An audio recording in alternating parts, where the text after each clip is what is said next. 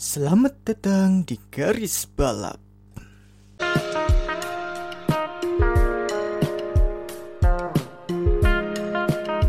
mana balik lagi itu di tahun ini 2021 Hmm, nah siapa siapa itu ya? lupa gue Siapa ya? siapa itu Oh ini.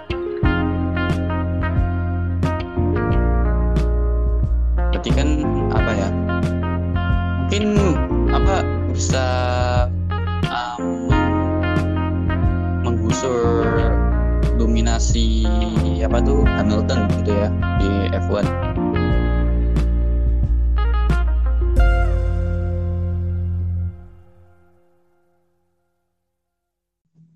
Ya, kembali lagi di garis balap bersama duo test driver andalan Anda, gua Bagus. Dan gua Yogo Yes, kita kembali lagi merecording episode terbaru kita kali ini yang ini ini ya recording pertama kita ya di 2021 ya, Wim. yoi Terakhir kita record kapan ya? Yang 2020 ya? iya 2020 Gua nggak begitu udah berminggu-minggu ya.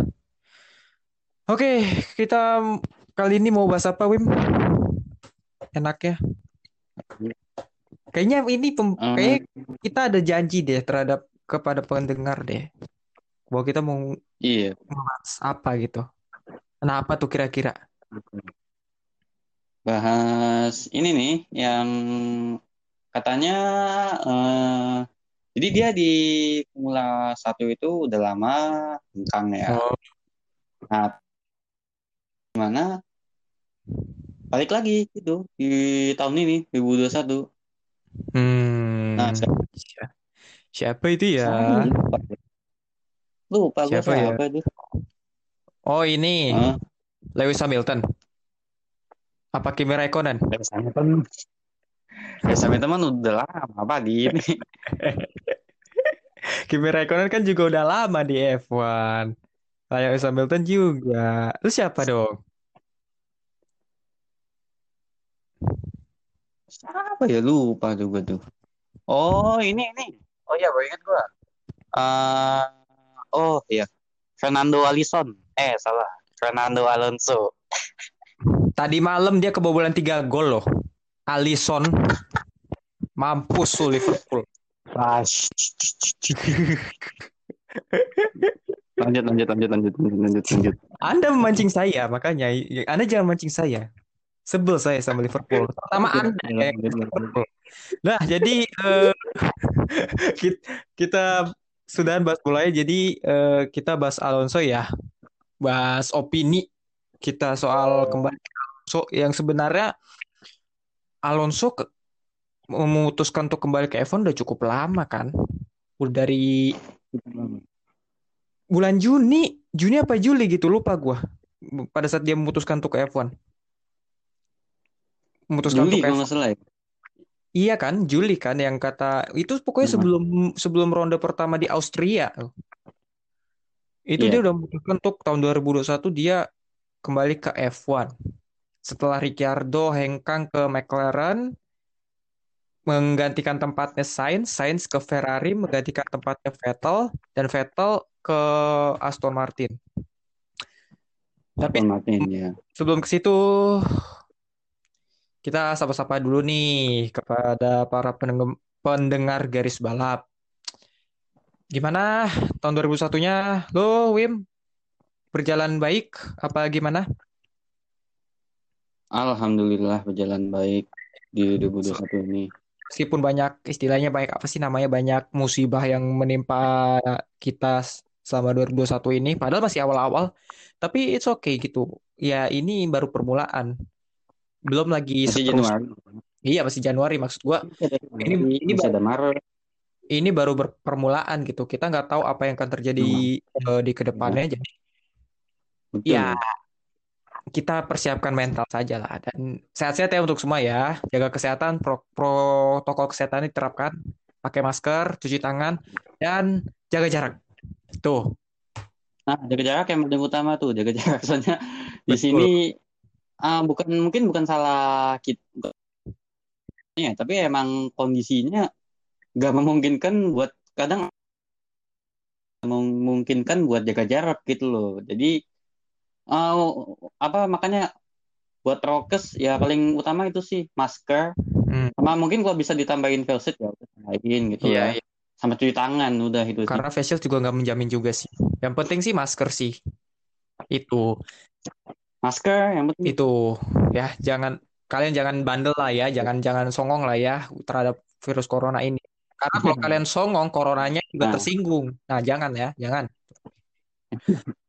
ya betul betul Sebelum ke Alonso, gue mau eh, istilahnya menyampaikan beberapa berita sih, beberapa berita yang sebenarnya cukup lama sih.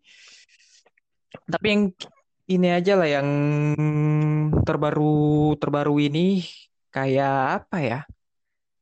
Kira-kira lu ada berita terbaru gak Wim mengenai berita motorsport gitu? Gua ada sih, cuma apa ya? Oh, oh terbaru. ini Wim apa sih? World Endurance Championship. Ronde pertama nggak jadi di Sebring. Sekarang oh jadinya jadi di di sebelum itu ya? Portimao iya. Sekarang jadi di Port di Portimao di ronde pertama. Berdurasi 8 balapan berdurasi 8 jam. Jadi dan itu digelar pada tanggal 22 sampai 4 April. Dan eh, iya. April ya? Wah Portimao sih next tahun sih. Setelah F1 MotoGP dan sekarang World Endurance Championship menggelar balapan di situ gitu. Juga ada WRC kemarin Rally Monte Carlo Sebastian Ogier lagi-lagi memenangkan Monte Carlo yang ke-8 kalinya itu merupakan kemenangan 50 kalinya Sebastian Ogier. Wah ini cukup pembalap yang apa ya? Pembalap rally berkelas sih Ogier mah. Juara tujuh kali WRC cukup bagus. Terus eh ya itu aja ya kali ya dari untuk berita motorsportnya. Oke langsung ke topik aja ya. Alonso ke ya langsung track back lagi ke bulan Juli respon lo mengenai Hah. berita yang eh, berita bahwa Alonso akan balik ke Renault. Eh enggak, bukan Renault sih, sekarang Alpine namanya. Kembali ke F1 bersama Alpine. Menurut lu gimana? Hmm, kalau menurut gua, gua tadinya sempat ini loh, sempat apa? Sempat ada kayak gimana ya? Rasa wah Hmm. Alonso nih balik lagi Iya. ya ke F1. Berarti kan apa ya? Mungkin apa bisa um, meng- menggusur dominasi apa tuh Hamilton gitu ya di F1. Tadinya gue sempat berpikir kayak gitu, cuman lama-kelamaan makin makin ke sini, gue mikir kok ngapain ya nih orang balik lagi ke F1 gitu buat apa gitu loh. Padahal kan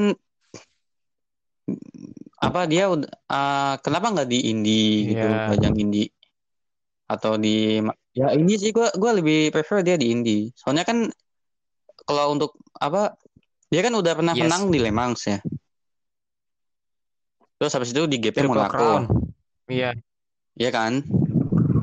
Hmm. Nah ya, nah, apa misal dia man, apa mantepin di Indy bisa apa dia kan ada kemungkinan buat ng- ngeraih itu ada penghargaan Hmm. tersebut, Bisa menurut Indy lo? 500, Indy 500 ya. Iya.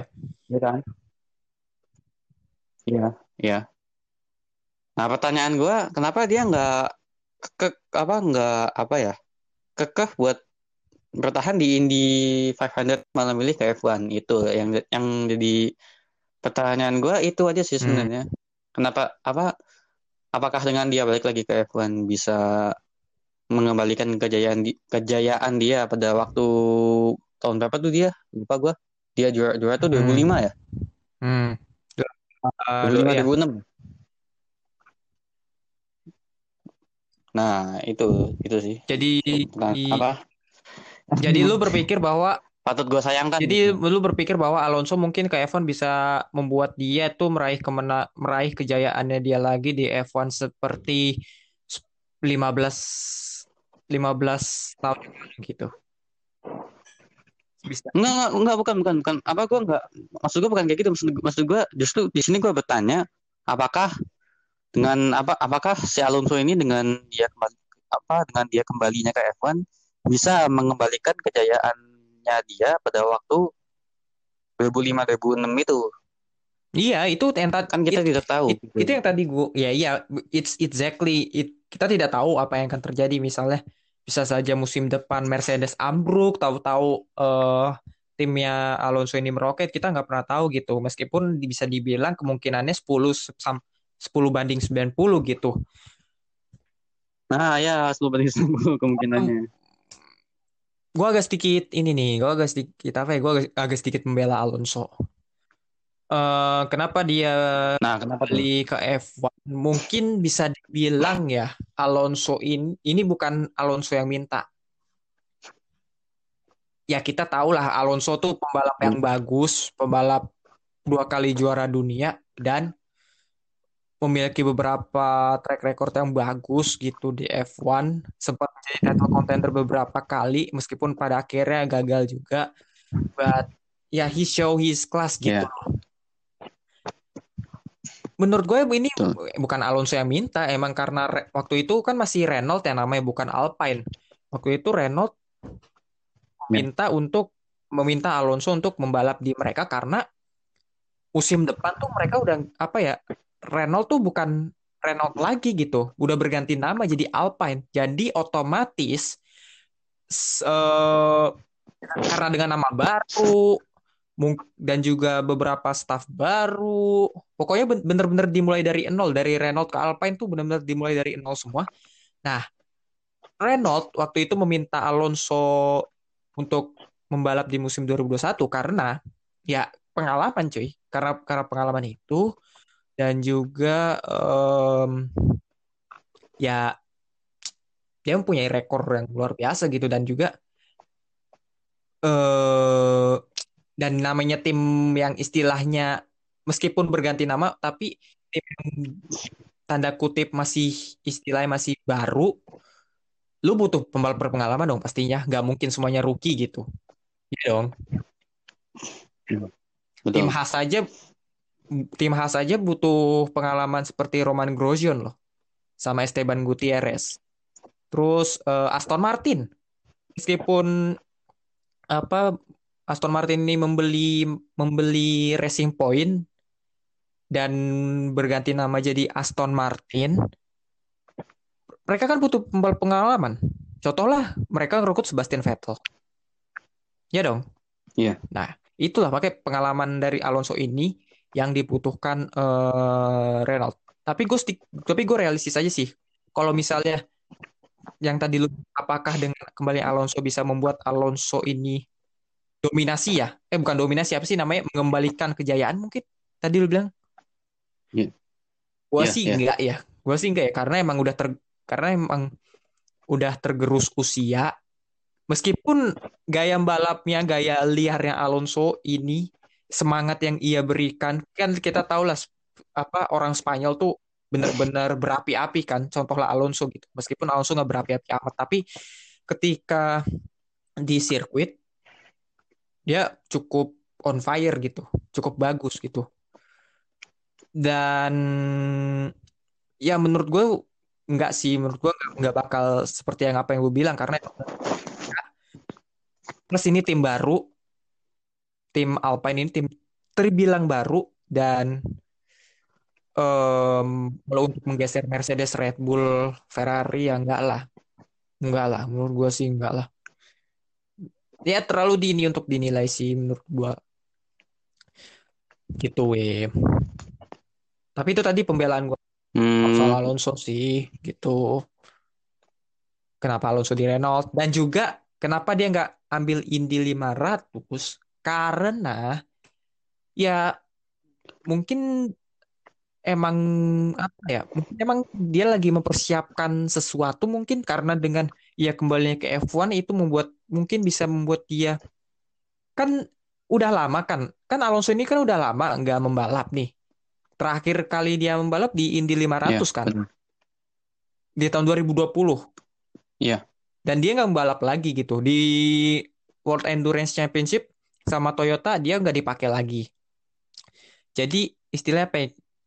Gue ngelihat Alonso F1 karena mungkin dia mau memantapkan dirinya, istilahnya mempertajam dirinya lagi untuk kan dia dikontrak 2 tahun ya, 2021, 2022. Mungkin 2023 bisa ke Indy. Bukan nggak mungkin loh. Ya ya, ya kali masa di umur 41, 42 lu masih di F1 gitu loh. Maksud gua eh ya ini mungkin menurut sih sebagai ajang batu loncatan aja sih Alonso sih di F1 selama 2 tahun nanti 2023 full time Indy atau 2024 gitu. Gitu Wim. Oh, berarti apa? Lo punya ap- apa pendapat lain tentang Alonso? Ah, tunggu, berarti gue ambil kesimpulannya gini. Hmm. Berarti lo lebih realistis gitu ya? Lebih realistis Alonso di F1 tuh seperti apa? Karena si Alonso ini Hmm. bisa mungkin bisa membagi pengalamannya ke junior juniornya gitu loh. Enggak ke junior junior ya maksud gua ke ke ya beberapa kali Ya rekannya kan, rekan rekannya Esteban Ocon Esteban Ocon mah nggak perlu di ini lagi dia juga udah pembalap yang bagus gitu jadi maksud gua ya, pengalaman terhadap ke timnya gitu ngerti kan maksud gua ke timnya berarti ya. pengalaman ke timnya. Alpine ini kan kan gue bilang tadi Oh, ya. Alpine ini kan istilahnya masih baru. Meskipun ya beberapa staff beberapa membernya mengambil dari Renault. Karena itu sebelumnya namanya Renault kan. Meskipun Renault sama Alpine ini satu grup gitu. Tapi secara di atas kertas ini tim baru. Alpine ini tim baru cuma ya itu yang gue yang tadi gue bilang Alonso ini dibutuhkan karena ia membagi pengalamannya ke timnya. Berarti lebih ke Ke tim, keseluruhan, timnya berarti ya. Iya mungkin. Dan dan dia tahu bagaimana eh men-setup mobil Formula 1 meskipun regulasi udah berbeda tapi at least dari pengalamannya itu eh dia cukup paham gitu loh. Itu ya kayak yang tadi gue bilang lah seperti Haas merekrut Roman Grosjean, Sebastian Vettel direkrut sama Aston Martin. Terus apa lagi tuh? Nah gitu maksud gua. Hmm, ya, ya. Siapa tahu kan ya memang Alonso ini bukan diproyeksikan jangka panjang sih jangka pendek tapi dua tahun ya cukup lah menurut gue ya. Gitu. Nah tapi gua agak-agak gimana ya sama Alonso nih sebenarnya nih. Kan tadi gue membela nih, gue beberapa membela lah, membela Alonso kenapa dia F1 segala macem. Tapi jang, jangan jangan menilai gua bahwa gua tidak ada mencela soal Alonso. Kenapa dia di F1? Gitu. Nah, kenapa nih? Kenapa tuh? Eh, tadi lu kan pernah bilang, tadi kan lu bilang bingung. Kenapa Alonso tidak mencoba Indy 500? Gue juga gue juga apa ya bingung kenapa Alonso tidak mencoba Indy 500 kenapa dia tidak mencoba full time seat untuk musim ini gitu di Indy 5 Indy IndyCar toh dia juga formula apa rekornya di Formula 1 dua kali juara dunia Formula 1 itu ya apa sih kendalanya gitu loh? Masa nggak ada tim yang IndyCar yang mau minat gitu? Masa nggak ada sponsor yang mau mendukung Alonso, sponsor mah merem bagi Alonso. Dua kali juara dunia kok, masa dan beberapa kali dia ikut ajang IndyCar tuh selalu ija, incarnya Indy 500, Indy 500. Kenapa nggak full time? Full time seat maksud gua mengikuti full bal apa dari balapan pertama sampai balapan akhir gitu. Selama full musim. Kenapa? Biar Alonso belajar lagi di IndyCar gitu loh. Belajar budaya Amerika, belajar mobilnya, belajar bagaimana aspalnya, belajar bagaimana kan secara secara apa secara psikologi atau segala macam itu kan cukup membantu gitu. Lingkungan timnya budaya ya segala macam. Ya, Alonso bela harus belajar lagi tapi dia cuma men mengikuti di 500 ya, nggak mencoba full season gitu loh. Gue gue gak gue nggak ngerti sih sampai situ.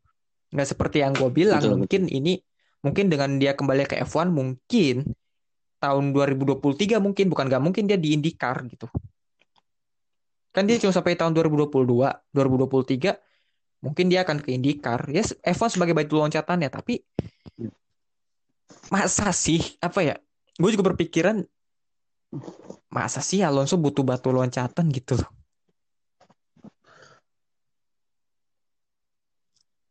Ya oke. Okay. Iya betul. Apa secara Kenapa? Alonso di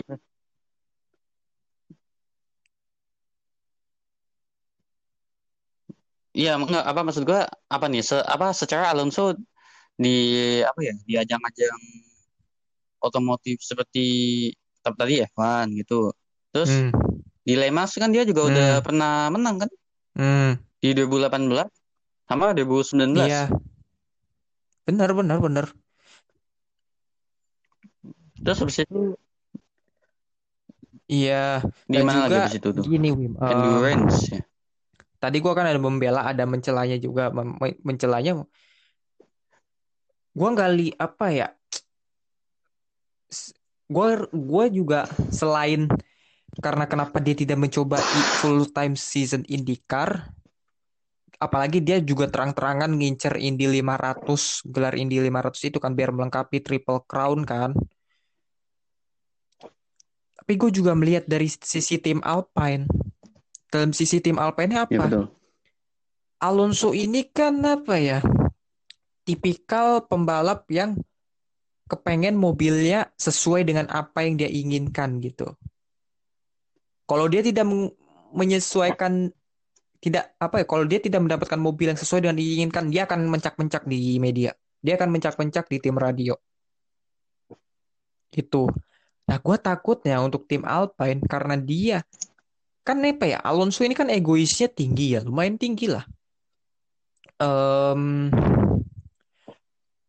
gue ngerinya yeah. kasusnya sama kayak McLaren waktu dia di McLaren dia kepengen mobilnya begini-begini kepengen mobil yang sesuai yang dia inginkan gue ngerinya Alpine akan yeah. akan menganaktirikan Esteban Ocon hmm? gue ngerinya itu Gua ngerinya itu. Sama dengan kasus Mac oh. McLaren 2018. Menurut gua McLaren 2018 2017 kan rekan setimnya itu bunyi apa? Astaga. Telepon, telepon. Oh, Ini gue ancaranya di laptop soalnya. Aduh, oh, iya, iya. anchor, iya. ya. Tadi sampai mana tuh gua tuh? Sampai mana tuh gua tadi kok? Gua lu Enggak sampai mana tadi gua? Iya ya, lanjut lanjut. Oh, ini anak tiri, anak apa tiri, ya? anak tiri. anak tadi tiri. apa tuh? Lupa gua. Menganaktirikan Esteban Ocon. Nah, Oh, anak tiri kan ya, tahun 2018 2017 ya. di McLaren Alonso ini kan uh. rekan setimnya Stoffel Van Dorn ya. Stoffel Van Dorn. Stoffel Van Dorn ini bukan Betul. pembalap jelek loh. Dia juara GP2 di tahun 2015 dan di tahun pertama di GP2 di tahun 2014 dia langsung runner up. Juara Formula Renault Euro eh juara Formula Renault 3.5. Terus juga sempat jadi title contender di Super Formula kalau tidak salah 2016. Jadi ini pembalap bukan pembalap jelek gitu Stoffel Van tapi karena Alonso yang memiliki istilahnya apa ya? Yang gue lihat sih mungkin otoritas yang tinggi mungkin sebagai pembalap, ego yang sangat tinggi karena dia butuh mobil yang sesuai dengan keinginannya dia sehingga membuat timnya memanjakan dia gitu dibanding rekan setimnya. Ngerti nggak? Itu yang gue lihat. Nah, akhirnya ya udah Hmm, Stoffel iya, iya. Van Dorn anyep sama dia si Alonso yang cukup apa sih cukup cukup eh, bagus performanya kala itu meskipun ya anyep-anyep juga gitu. Nah, itu yang gue takutin di Alpine. Ini Alpine gue harap Alonso apa ya Alpine ini Alpine atau Renault lah paham ya kenapa mereka merekrut Alonso dan paling tidak em, siaplah dengan konsekuensi yang harus mereka terima dengan menerimanya Alonso kembali gitu. Dia bakal ini ujian mental buat tim mekanik, eh, engineeringnya dia, engineering tim segala macem. Ini harus menjadi ujian mentalnya dia karena ya seperti kita track back 2015-2016 ketika Alonso em 2015-2016 ketika Alonso benar-benar struggle di McLaren Honda. Yang kat, yang ini sampai di tahun 2015 yang kata di GP Jepang dia sampai bilang mobil McLaren Honda ini kayak mobil GP GP2 GP2 maksud gua. Yang mencak-mencak di tim radio yang sampai terkenal banget itu. Jadi mu jadi menurut jadi itu apa lagi? Oke, oke lanjut lanjut. jadi gua jadi ragu nih dia gua ragu nih dia memperhatikan gua deh soalnya bukan apa-apa ya kita nih kan jarak jauh ya. Kita nggak tahu nih dia lagi ngapain entah itu ntar dia lagi eh, Kenapa, kenapa? mabuk entah itu dia lagi eh nge apalah pokoknya segala macam. Kita kan nggak pernah tahu ya yoga nih melakukan apa gitu ketika gua ngerekam sama dia. Dan kita nih jarak jauh gitu susah banget buat kasih istilahnya susah banget buat apa ketemuan gitu. Dia selalu baik alasan untuk ketemuan. Ya oke karena covid. Tapi ya mas orang-orang sono aja udah berani keluar gitu maksud gua. Jadi kembali lagi ke Alonso Eh, Ah, jadi ya menurut gua tadi gue lupa ya jadi gue ngerinya Alpine jadi menganak kemaskan Alonso gitu. Ya betul. nah itu sih gua sih menurut gua ya dan Alonso dan Alpine kenapa nggak ambil pembalap misalnya pembalap Renault ya? Pembalap Renault Junior gitu misalnya. Kayak Guan Yu ataupun Lundgaard ya mungkin karena super license point mungkin ya. Soalnya kalau di total belum mencapai eh, persyaratan super license yang dibutuhkan. Ih, gue berasa ngomong sendiri, anjay, anjay, ya, astaga. Itu soalnya soalnya di gue putus-putus Pak. angin angin. Gue mau nimpalin aduh ini takut. Jadi oh ya ya apa sih Guan Yu Zhou ya itunya apa super belum apa tuh namanya Iya, cukup gitu ya iya, iya. Dan juga suara lu juga putus-putus sih. Ya beginilah namanya jarak jauh. Susah sih emang nih orang nih, eh, anak orang su- susah banget buat diajak ketemuan gitu. Padahal cuma beberapa menit doang gitu loh. Bicarain begini, bicara sampah gitu. Maksud gua, ya ketemuan lah gitu loh. Maksud gua susah emang dia nih anak. Ya udah, gak usah jadi temennya yoga deh. Gue saranin buat teman-teman kerjanya gak usah dikasih kerjaan dia sama dia dah. Anjir. Emang nih anak emang nyusahin emang. Udah kok- kalau apa-apa kalau yoga minta tolong gak usah tolongin dah, udah udah. Nyusahin yang ada. Dah tuh. Jadi kembali Eh. lagi ke gua ke Alonso. Tadi apa tuh? Ya gue ngeri jadi anak jadi anak masnya Alpine dan juga em ya itu tadi Guan Yu Zhou kenapa nggak Guan Yu Zhou sama Lunggar? Mungkin ya karena super lisensinya belum cukup. Terus kalaupun emang mencari cari pembalap yang lebih berpengalaman, kenapa nggak rekrut lagi Nico Hulkenberg? Kalau Sergio Hulkenberg. Perez kan udah, Sergio Perez kan udah di Red Bull tuh, udah istilahnya udah nggak gabut lah. Kenapa nggak Nico Hulkenberg? Kenapa nggak em, ya well Roman Grosjean karena kecelakaan itu jadinya membuat gua out of list lah. Kenapa nggak apa eh Kevin Magnussen? Kenapa nggak Kenapa nggak Kevin Magnussen? Kenapa nggak ya pokoknya pembalap yang istilahnya nggak eh, pensiun apa eh masih berkelanjutan lah di F1. Nggak kayak Alonso yang dua musim nggak di F1, tahu-tahu kembali lagi ya. Itu sih hak prerogatifnya Renault ya. Iya. Renault dan Alpine, tapi gue nggak ngerti aja sih. Gitu. Cuman Itu sih menurut gua mungkin. nggak- kalau gua masih kalau untuk masalah Hulkenberg masih agak ragu sih. Soalnya tra- track record dia apa doi di Are you F1 sure? Are you sure? Lu mulai meragukan kapabilitas Nico Hulkenberg. Fans F1 marah. Di Nür- Nürburgring, dia nggak melakukan sesi praktis loh.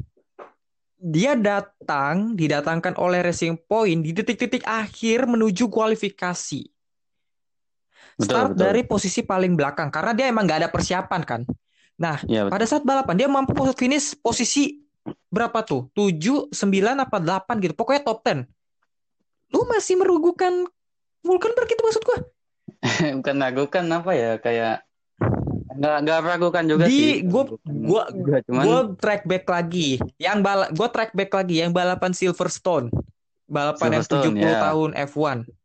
Dia pering dia kualifikasi peringkat 3. Finish di posisi 3 apa eh di finish di posisi 7 apa berapa gitu. Iya finish di posisi 7 kalau nggak salah. Lu masih meragukan gitu maksud gua.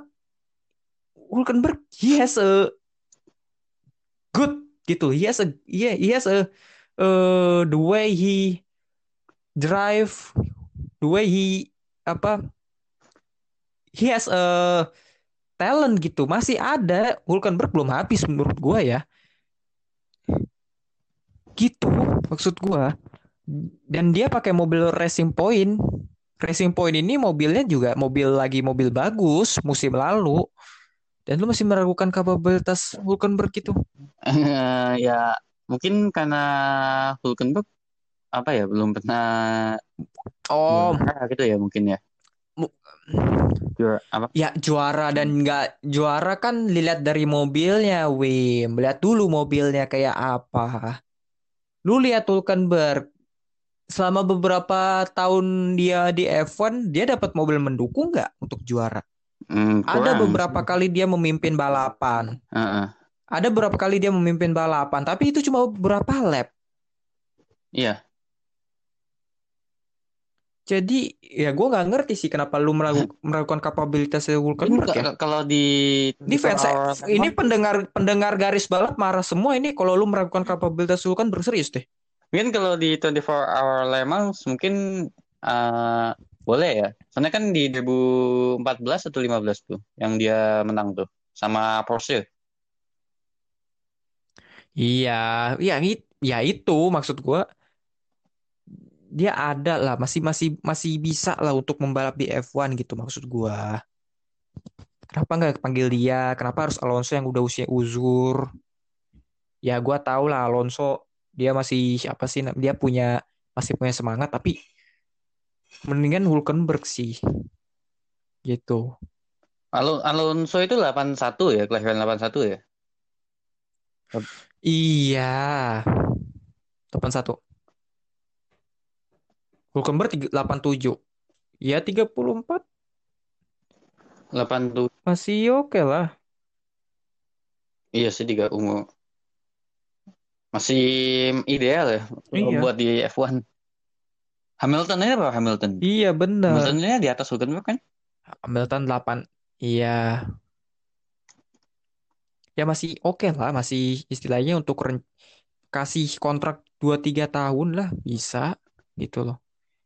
Itu Hulkenberg gitu dan ya gue nggak nggak ya sorry ya gue jadi ke, ke, ke ba- apa jadi ke bawah dua sisi ya mungkin apa ya mungkin akan yang ada yang bilang oh kok Gus lu kok bisa dua gitu berpendapatnya ya gue sih secara gue sih eh istilahnya menyampaikan dari berbagai sudut gitu ada yang kayak sudut gua mendukung Alonso ada yang sudut mencalanya Tapi gue lebih banyak mencelanya sih. Kayak ya lu ngapain lagi sih di F1? Lu kayak masih kurang aja.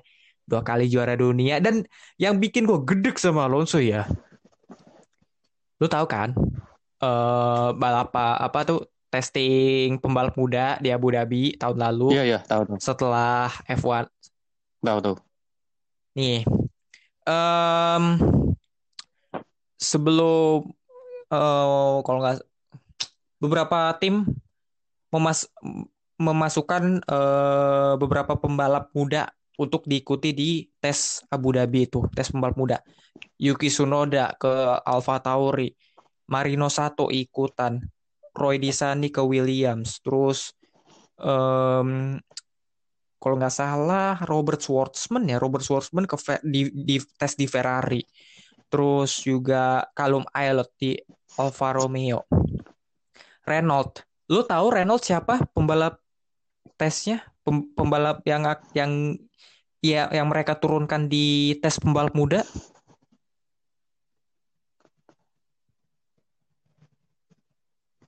lu tahu nggak ya elah dia putus pak Hah? lu ngapain sih Eh, dengerin lo ngomong, Gocak. Enggak tadi lu enggak tadi coba coba ulangi apa yang gue ngomong deh coba ulangi apa Ya. yang gue ngomong deh Ya lo, ya lo ngomong aja putus-putus di sini, makanya udah gue dengerin. ya udah ya udah gue ulangi lagi gue ulangi lagi gue ulangi lagi kalau lu putus kalau kalau putus putus bilang oke nah jadi Ah. gini jangan diem aja lu eh kan tadi gue bilang lu tahu kan pem, apa sesi tes Sesi tes. muda Iya, tahu. 2020 setelah F1 setelah F1 selesai di Abu Oh, Dhabi oh, oh. kan para pembalap Iya. menurunkan beberapa pembalap muda Oh, oh. kayak Yuki Tsunoda nurunin Alfa Alfa. Tau apa diturunkan di Alfa Tauri Marino Sato ikutan di Ah, Alfa Tauri oh, oh. Ferra- Ferrari nurunin Robert Schwartzman ya. Al- Alfa Romeo nuru Alfa Romeo nurunin Callum Aylott Oh, oh. Terus eh Haas kalau nggak salah nuru Haas kalau nggak salah nurunin Mick Schumacher Has, Has siapa Has? nurunin Mick Schumacher Oh, Mick. Mick, ya. Mick. iya nah sementara Renault lu tahu nggak siapa Siapa? yang diturunkan Alonso Oh, ya. itu. Ah lu bikin punchline-nya basi lu. Ah ya lah Alonso, ya, ya. nah mak nah makanya di di di Twitter atau di sosmed tuh pada bilang wih pada komen wih ada pembalap berbakat bernama Alonso muda udah segala macem. Usianya aja 8 usianya aja udah berabad-abad si Alonso iya, udah 30 39 40 tahun ini ya. Iya, dan dia ikut pembalap tes pembalap muda buat apa? Emang dia Oh, oh iya, dia masih muda sih ya. 41 eh apa usianya kan berapa? 4 41 39 atau berapa? Empat, 40 kan ini? 4 40 Kak, 4 40 bagi 2. Udah itu usianya Alonso 20 tahun deh, udah. Lord bebas deh itu Alonso Iya, gitu. iya, iya. Oh, oh mungkin ini, mungkin dia bandingin sama pebalap siapa tuh yang Jepang tuh yang Dragon Dragon itu. Mungkin bandingin sama itu kali ya. Jadi muda gitu katanya. I itu kan itu kan di F3 F3 Asia itu kan. F3 Jepang juga Iya. gitu. Ya, mungkin Pembalap mungkin, pembalap bernama Dragon. ya mungkin doi bandingin sama itu. Oh, gua masih muda nih. Udah ikut aja apa, apa tes apa muda lagi. Iya kan? Ya, itu usianya 55 tahun, Pak, si Dragon itu. Lima.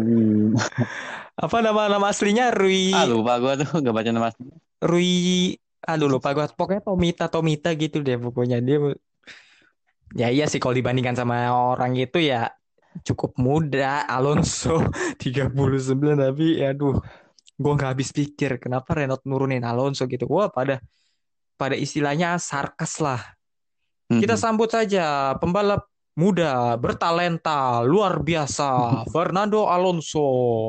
Mau bagaimanapun Fernando Alonso lebih muda daripada Robert Schwarzman, Mick Schumacher, dan Yuki Tsunoda. Iya, iya. Alonso hebat emang. Nah, gar- nah, karena Alonso apa sih? Karena Alonso di apa? Karena Renault karena Renault mengumumkan mengumumkan Alonso, Hmm? ya udah dah tuh pembalap apa tim-tim kayak Red Bull, terus apa lagi? Kok nggak salah Red Bull deh Red Bull. Eh, gue lupa tim apa lagi gitu. Pokoknya nurunin pembalap tua. Red Bull nurunin Buemi. Terus em, siapa lagi tuh? Gue lupa lah. Mungkin kalian bisa tulis di kolom komen lah. Komen. Jadi jadi itulah. Gue gedeknya di situ. Seotoritas itu loh Alonso loh. Bisa bisa melobi tes pembalap muda loh. Yang harusnya menjadi apa menjadi wadah bagi pembalap kayak Lundgaard, em, Piastri yang harusnya mengikuti tes pembal tes itu malah Alonso. Si Zhou ikut, Zhou ikut di mobil satunya lagi, cuma ya Alonso gitu loh. Untuk apa gitu dia ikut gitu loh. Gitu Wim. Paham? Padahal itu ada harusnya kan kalau tes usia itu kan ada batas maksimal usia kan ya? Kayaknya Nah, maksimalnya harusnya ya ya dari dari nama aja Young Driver Test. iya yuk. Dia Yong kalau kategori Yong tuh berapa sih? Dua mungkin dua satu masih bisa masuk kali ya? Ya, Hmm, ya mungkin yang kata lu bilang jika Alonso usianya Alonso dibandingkan sama pembalap Jepang yang bernama Dragon itu mungkin lebih mudahan Alonso. Iya. Bener yang lu bilang, lu gak salah yang lu bilang. Cuma ya di sini kan konteksnya kan F1 gitu. 39 udah usia tua, Pak. ya apa ya? Dan satu lagi sih, gue malah melihat bahwa ya saat gue ngerinya nih Alpine malah jadi Alonso F1 tim. Hmm, iya nggak menutup kemungkinan sih. Ya karena karena begitu ya lihat aja tuh. Renault ngumumin Alonso sebagai pembalap tes apa pembalap mud, pembalap tes apa di pembalap yang driver test gitu loh. Iya betul. Pinter banget tuh melobinya gila, gila. Gak habis pikir gue Alonso, Alonso. Oh iya, dan satu lagi. Ya harusnya sih kalau emang dia injar incar Indy 500 harusnya sih dia bisa ini apa namanya mau tawaran dari F1 mana pun harusnya dia tolak gitu ya. Iya. Tapi ini kan enggak, dia malah nerima gitu. Kan tadi gue bilang bahwa mungkin Al mungkin bukan Alonso yang mau, tapi Alpine yang mau. Nah, tapi kan ada kemungkinan loh buat Alonso tolak. Betul betul. Mungkin ya, mungkin mungkin gajinya gede yang dikasih Alpine. Tapi ya tetap aja kalau lu emang ngincer triple crown harusnya lu tetap konsisten dengan komitmen lu itu gitu. Betul. Tapi dia tidak komit, nggak konsisten. Malah incernya malah dia masuk ke F1 lagi. Ya Menghambat perkembangan pembalap muda, ya itulah masuk ke pembalap tua gitu. Gue nggak ngerti gitu. Dan ya gue melihatnya sih semakin terlihat bahwa Alonso tidak punya sikap gitu. Tidak punya sikap dalam arti lu udah terang-terangan mau memenangkan Indy 500, tapi lu malah masuk kembali ke F1. Kontraknya 2 tahun lagi. Iya. Udah keburu uzur ya, oke lah. IndyCar lu bisa em, bisa membalap di usia kapan aja gitu. Mario Andretti, Emerson Fittipaldi aja membalap di IndyCar aja bisa usia 50-an tahun. Iya, lima. Bisa sampai usia bisa bisa, sampai di usia 50 50 tahun kan? Mario Iya. Andretti, Emerson Fittipaldi. Jadi ya jadi tapi tetap aja kalau lu emang kepengen apa bener-bener kepengen incer Indy 500 ya ya udah harusnya tahun ini tapi ya udahlah dia ke F1 welcome back Alonso jadi ya tapi tetap sih gua nggak nggak begitu serak kalau Alonso ke F1 gua nggak rindu Alonso sih kalau gua ya. Gue lebih rindu mesin V10 mesin V10 V12 V8 sebelum masa-masanya hybrid itu gue lebih kangen itu daripada pembalapnya. Kalau em pembalap daripada pembalapnya gitu. Ya pembalap come and go gitu. F1 ya stay stay aja di situ. Mobil mobil F1 ya gitu-gitu aja. Tetap tetap roda terbuka nggak berubah. Gak berubah ya. Nggak. Jadi ntar tiba-tiba iya F1 jadi menurut gua apa mobilnya jadi nggak open wheeler kan? bisa Nah. aja bisa aja. Cuma ya selama ini kita kan bicara yang sekarang ya. Bicara yang dulu sama yang sekarang belum di masa yang akan datang. Ya mobil F1 ya tetap gitu-gitu aja. Jadi pembalap ya come and go gitu. Kalau lu emang udah nggak ada komitmen di F1 harusnya lu ya udah nggak usah kembali gitu. Lu tetap kalau lu mau komitmen di yang lain ya ya udah kejar gitu loh. Sama seperti cewek sama seperti lu ngejar cewek. Kalau lu emang apa nggak ada komitmen buat ngejar itu cewek ya udah nggak usah lu kejar. Tapi kalau lu komitmen terhadap cewek itu untuk ngejar untuk mendapatkan dia ya lu nggak usah berpaling dengan cewek lain lu tetap kejar cewek yang lu kesengsem itu yang lu pengenin Hmm. itu untuk dapetin hatinya dia Mantap. gitu kita ubah podcast ini jadi garis cinta Guys, guys cinta, guys cinta gue auto bengong. Gue apa. tapi lu paham kan Paham, maksud paham. gitu Jadi ini ah apa itu apa si bagus yang mungkin sedang mengingat ya itu. Apa? Eh ya itu itu itu. Apa? Itu apa itu. Apa? Ya ya ya lanjut lanjut lanjut lanjut, lanjut. Gak maksud gue Ya Alonso nih ibarat cowok Sedang sedang kepengen dapetin cewek yang incarannya Tapi ada cewek yang nawar Tapi ada cewek yang ngejer dia. Eh dia malah kesemsem sama cewek yang nge- yang ngejer dia ini ya udahlah yang dia pengenin ya udah. Selesai gitu ya. hilang Hilang, gitu iya. aja. Dia selesai. Ya itulah Alonso. Gitu. Kita ubah podcast ini jadi garis cinta ya. Nggak ada balap nggak ada garis balap gitu. Garis balap secara resmi berubah menjadi garis cinta. Garis percintaan itu gue suka tuh. GP disingkat. Garis percintaan. Keren ngerti kan maksud gue ah paham.